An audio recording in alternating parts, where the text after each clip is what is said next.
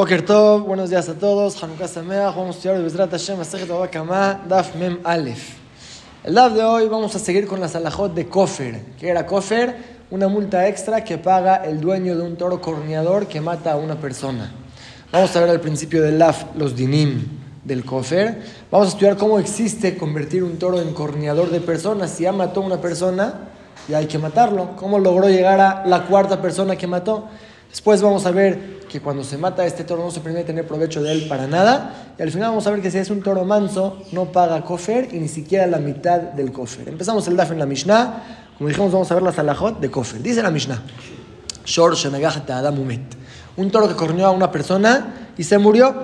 Muad, si es que es un toro corneador, o sea que ya mató a tres personas, esta es la cuarta persona que mata, Meshalem Kofer, el dueño debe de pagar Kofer es la multa extra por negligencia. No cuidas a tu toro, ya te diste cuenta que cornea personas, los mata.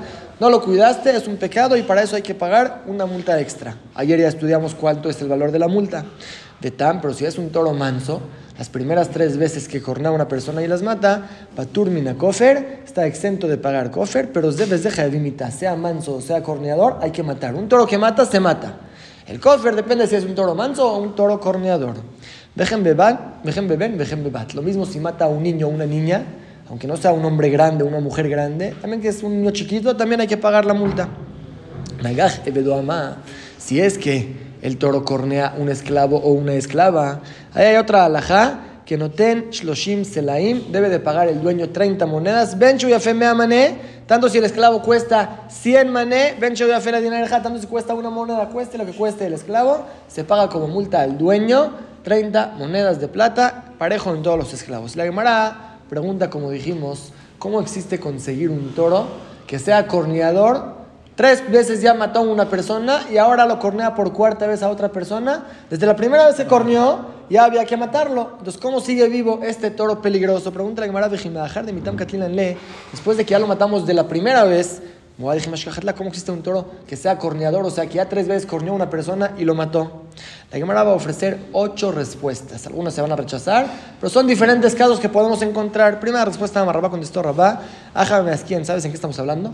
Que Goncha Adam. Este toro ya corrió detrás de tres personas y si no fuera que se escaparon y se salvaron de milagro, los mataría. Estábamos seguros. Entonces no mató todavía a alguien para que lo matemos pero ya es un toro corneador. Ya casi mató a tres personas, el dueño necesitaba cuidarlo. Ese es el caso. Rabashi ama Rabashi dijo, unden alav klum. Eso que casi mata no se llama nada. No se convierte en corneador si al fin y al cabo no mató. El ajame es quien, sino cuál es el caso que estamos hablando aquí, que onche si es lo shabne Adam. Ella corneó a tres personas, los dejó moribundos. Todavía no se murieron. Entonces no podemos matar al toro. Ahí sigue vivo, sigue libre, corneó al cuarto y ahí se murieron los tres primeros se murieron los tres primeros juntos, ya es un toro corneador, ahora corneó al cuarto, debe de pagar la multa, ese va a ser el caso. Razvid Amar dijo otra respuesta que Goncha Arak Él corneó y mató tres animales se convierte en corneador. Y ahora que mata por cuarta vez a una persona, debe pagar la multa. Pregunta la Gemara sobre esta respuesta. Adam. ¿Acaso un toro corneador de animales se considera corneador para personas? Ya estudiamos que la persona se sabe salvar más. La persona tiene un ángel que lo protege más que un animal. Puede ser que este toro cornea animales, pero no cornea personas. No es corneador para personas. No nos gustó esta respuesta. El Amarabshimi, sino contestó Rabshimi. Estamos hablando que de Mató a tres goim. Cuando un toro mata a un goy, no hay que matarlo Solamente cuando mata a un Yehudi, mató a tres Goim. Ahora por cuarta vez mató a un Yehudi. Ya que se considera corneador por matar a tres personas, aunque sean Goim, ahora debe de pagar la multa. Pregunta la Gemara Muad de de Israel. La misma pregunta que antes. Un toro que cornea a Goim, ¿acaso se considera corneador para Yehudim? Ya sabemos que el Yehudi tiene más protección de Hashem que de un Goy.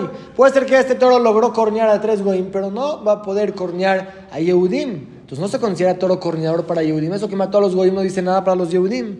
Tampoco esta respuesta nos gustó el Amar Melakish, sino con nuestro opción Melakish. Estamos hablando que Gon Sharak Shloshabne Adam Trefa.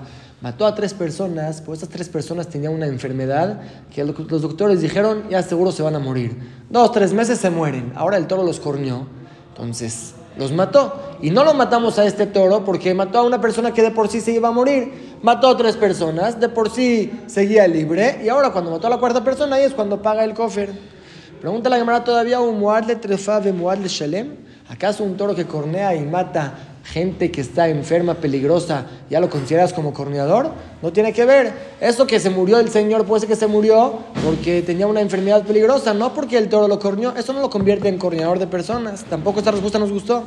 Él ama a papá, sino contestó a papá. El caso es el más sencillo que podríamos decir, de Katal Kleagma, de Katal Kleagma, mató y se escapó. Volvió a matar a otro y se escapó. Antes de que la policía lo agarró, antes de que el Bedín lo tomó para matarlo, ya este toro fue, corneó, corneó tres personas, se convirtió en corneador y la cuarta persona que cornea debe de pagar la multa. Otra respuesta que la Gemara nos ofrece, Rabaja Bre de Rabika Amar, Rabaja el hijo de Rabika contestó, el caso es que Gon Sheuzmu Zomeme Zomemin, que desmintieron a los testigos que desmintieron a otros. ¿Qué significa? Llegaron dos testigos y dijeron, el toro de Reubén corneó y mató a una persona. Pues hay que matarlo. Llegan otros dos testigos y desmintieron a los primeros testigos. Dijeron, están mintiendo estos dos. Nunca mató a nadie, ellos estaban con nosotros en otro lugar, están mintiendo. El Bedín recibió su testimonio.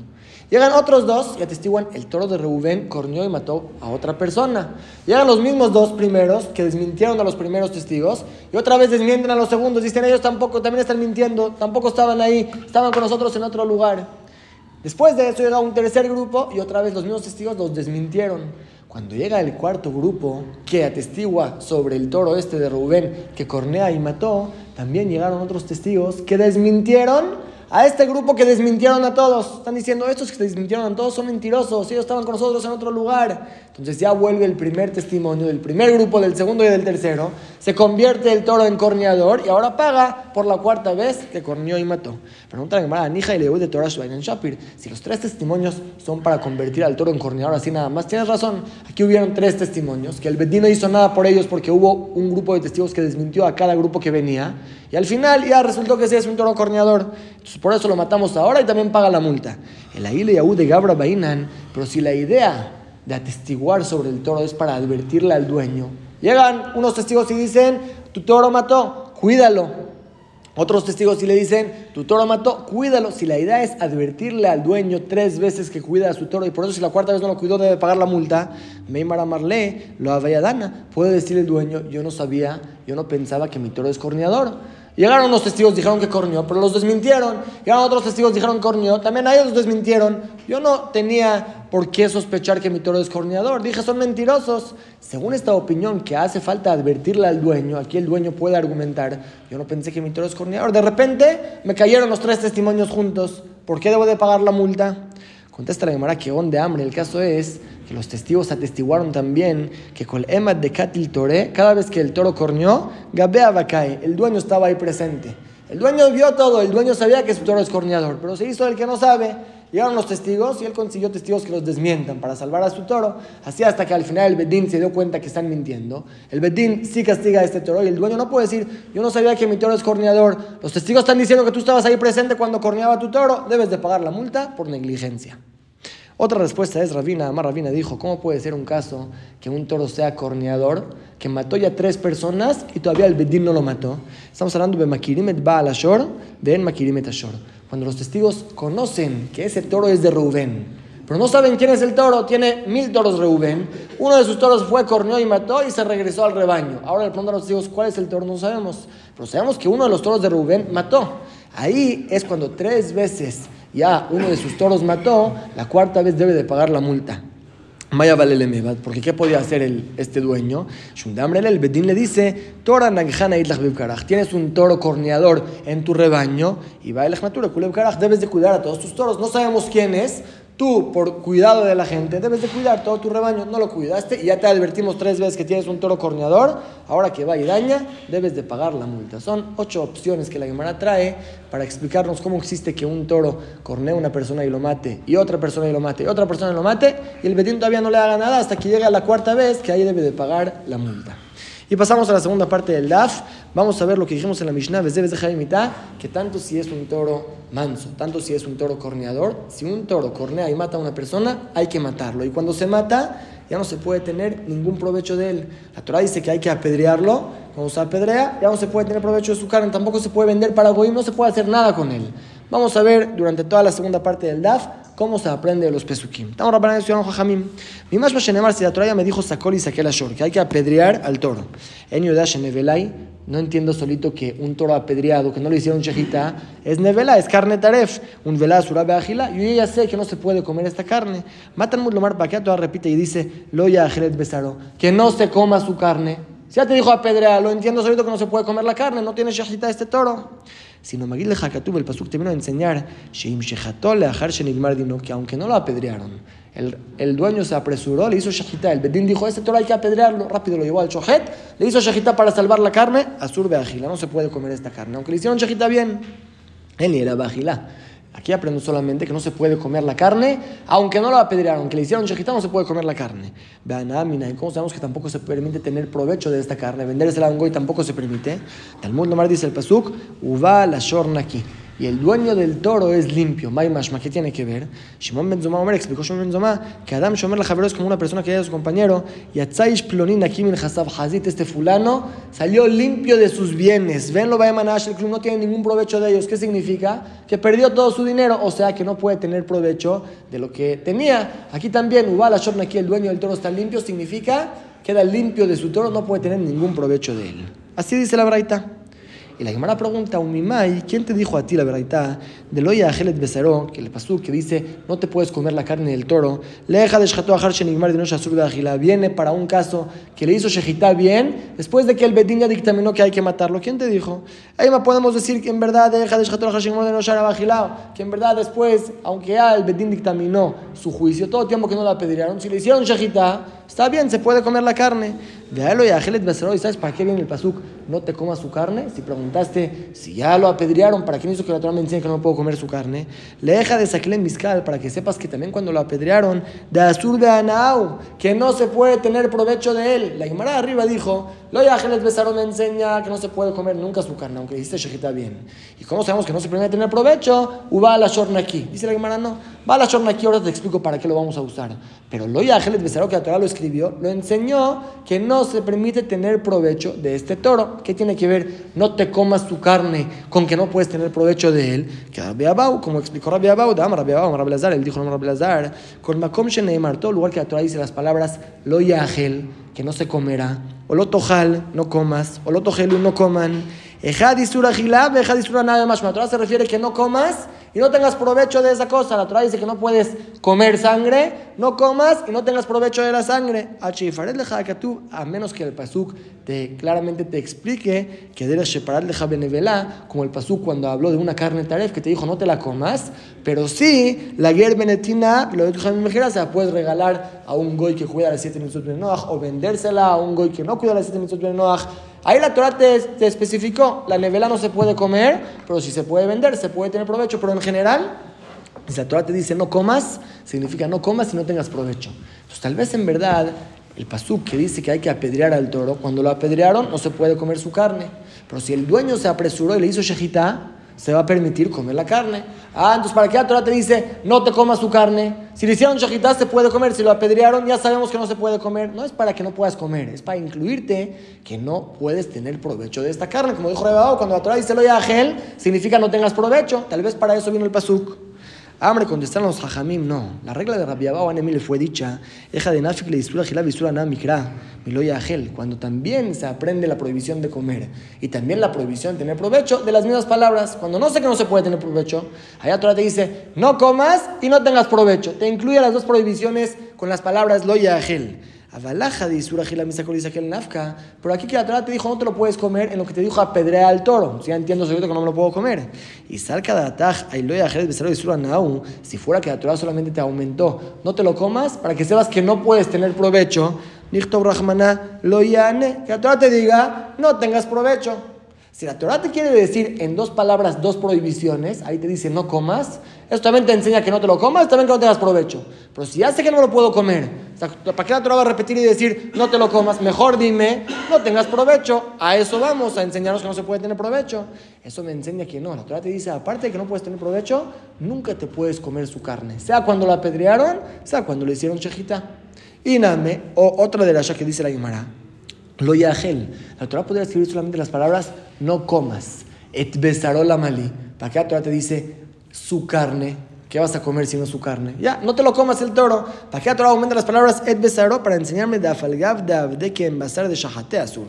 Que aunque lo hiciste como una carne normal, este toro lo hiciste shahita, te lo podrías comer, la Torah te dice, no te lo puedes comer. Entonces, un toro que el Bedina dictaminó que hay que apedrearlo, aunque lo llevaron al shohet y le hicieron shahita, ya no se puede comer su carne y no se puede tener provecho de ella. Matkif la Morzutra preguntó sobre esto, Morzutra. Hey man, mire, tal vez todo eso está dicho. Eja de Badak Tzur de Shahadbo. Si es que este hombre tomó una piedra filosa, la checó que no tenga ninguna rasgada, que esté bien filosa, y con eso le hizo shahita al toro. Ahí puedes decir que la Torah prohibió comer este toro de Abdeke en Sequila porque se compara como apedrearlo le hicieron shahita con piedra, así como cuando se apedrea, se apedrea con piedra. Le hicieron shahita con piedra, se parece a apedrearlo, por eso la Torah te dijo, no te comas su carne. Puede ser que solamente ahí. Avaleja de aquí, ¿no? Pero si hizo shahita con un cuchillo normal, tal vez se puede comer la carne. Ah, hombre, dijeron, jajamim, a tu sakin tiva beoraita. ¿Acaso la Torah dice que hay que hacer shahita con cuchillo? la Mishnah dice como quieras. A Shohet uno que hizo shahita a un toro con un tipo de os Betzor con una piedra, Uvkané o con una caña filosa. Shchita toque la shejita sirve. El Torah no dice que hay diferencia entre hacer con cuchillo, hacer con piedra. Como hagas la shejita con algo filoso está bien. Entonces aquí también cuando Torah te dice el toro que le hiciste shejita no se puede comer, con lo que sea que dice shejita, sea con piedra, sea con cuchillo, no se permite comer. Pregunta la Gemara. Entonces, veaste de nafka le disura gilav y na mi lo besar. Ahora que ya entendimos, ya nos quedó claro que las palabras lo yajelet besaró, no te comas su carne, significa que no puedes ni comer la carne del toro, ni tener provecho de ella. Va la shorna la mali. ¿Para qué usamos lo que dice la Torah? Y el dueño del, choro, del toro queda limpio. Antes lo usamos para enseñarnos que no puede tener ningún provecho del toro, pero ahora que ya lo aprendimos de otras palabras, ¿para qué necesitamos esto que dice la Torah y el dueño del, del toro está limpio?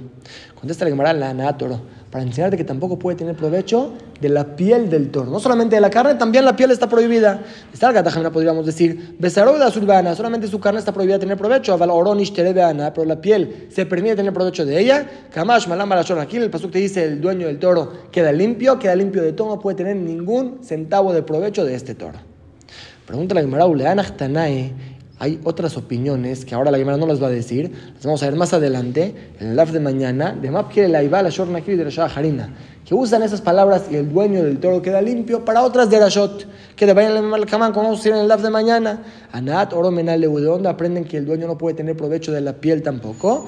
Nafkaleu lo aprenden, Me'et Besaro. Pasuk dice, no te comas a su carne. La palabra et está de más. El Pasuk podría decir, lo el besaro su carne no se coma. ¿Qué es et? Eta tafel y nos viene a enseñar que también lo que es secundario a la carne, o sea, la piel, también está incluida en la prohibición de tener provecho de ella. Mainiu, que es lo secundario, oro, su piel. De Aitana, y el primer Taná que no hace esta derasha es porque et lo darish. No hace derasha de las palabras et. Es una discusión en toda la Torah, como la Gemara ahora va a decir. Aitanaim, que cuando la Torah dice et, nos enseña que viene a aumentar algo. Y tenemos que decir, no, la Torah sí habla, no puedes aumentar nada. En eso discutieron aquí, ¿se aprende de la palabra et o no se aprende? Y necesitamos el ubal, la aquí. ¿Y quién son esos tanaim? ¿Qué detalle la verdad nos va a enseñar? Shimon Amsoni, este jajam, de hambre, hay quien dice que se llamaba Nehemiah Amsoni. Allá Doresh Koletim Torah. Él al principio de su vida, todos los et que aparecen en la Torah, decía de Rasha, ¿para qué están? Esto está para enseñarnos esto, esto está para enseñarnos esto. Que van Leet Hashem lo queja tirá. Peresh, cuando llegó a las palabras Et Hashem lo queja, a Hashem, tu Dios, debes de temer, se apartó. ¿Qué voy a decir? ¿A quién más aparte de Hashem? Nada más a Hashem. Se apartó y canceló todo su estudio de toda la vida, todos los et que siempre enseñó, lo canceló. Si en este et no se puede aumentar nada, significa que en tampoco los demás et no se aumenta nada. Amrot le dijeron sus alumnos, Rebi Jajam, Koletim Shedarash Alem, todas las de las que hiciste toda tu vida, ¿qué vas a hacer con ellas? Amarleem les contestó, que Shem Shekibalti Sahal la Drisha, Kibalti Sahal la Prisha. Así como Hashem me pagó por estudiar Torah, así ahora me está pagando por apartarme de hacer esta derasha. A Kadosh Baruj le gusta la Torah verdadera, no que concuerde con toda mi vida. Si ahora me di cuenta que me equivoqué, cambio mi camino. Así les contestó el Jajam. Hasta que ahora Akiva y enseñó et Hashem lo que tirá que nos viene a enseñar, el rapot al Hajamim, que también hay que temer al Hajam, no nada más a Hashem, también al Hajam, como dicen Hajamim, morar Rabham, que morar Shamaim, es lo que aumentamos de la palabra et, y ya quedó muy bien toda la, todas las de Rashot de Shimon Amsoni, que sí se puede hacer de la de la palabra et. Y pasamos a la última parte del DAF. Ya dijimos que un toro corneador que mata a una persona paga kofer, paga una multa extra, pero un toro manso que corneó a una persona no paga nada. Podríamos decir, como hay Tanaim que opinan, vamos a estudiar más adelante, Besrat Hashem, que paga la mitad de la multa, así como paga medio daño cuando daña. Cuando mata a una persona, paga la mitad de la multa. Aquí vamos a ver que no, según las opiniones de los jajamim de hoy, no paga nada. Ahora decir los jajamim, uba la shorna aquí. ¿Qué significa que el dueño del toro está limpio? de dice, Nakim Mechatzi Kofer está limpio de pagar tan siquiera la mitad del kofer. No debe de pagar nada. Matan al toro el dueño del toro no debe de pagar nada. Amaro Rabbi Akiva le preguntó a Rabbi Akiva a Rabbi Eliezer, ¿para quién es pasuk? Ya estudiamos varias veces que el toro manso que mató, ¿de dónde se cobran? Del cuerpo mismo del toro, máximo según el valor del toro. Aquí a este toro que mató, lo apedrearon. Le dice Rabbi Akiva, Rabbi ¿para quién es pasuk? Había ole bedín vishalem leja, tráelo al bedín y cóbrate de ahí. Claro que no te puedes cobrar de él. ¿Para qué necesitamos un pasuk que te enseñe que no te puedes, que no necesitas pagar ni la mitad del cofre?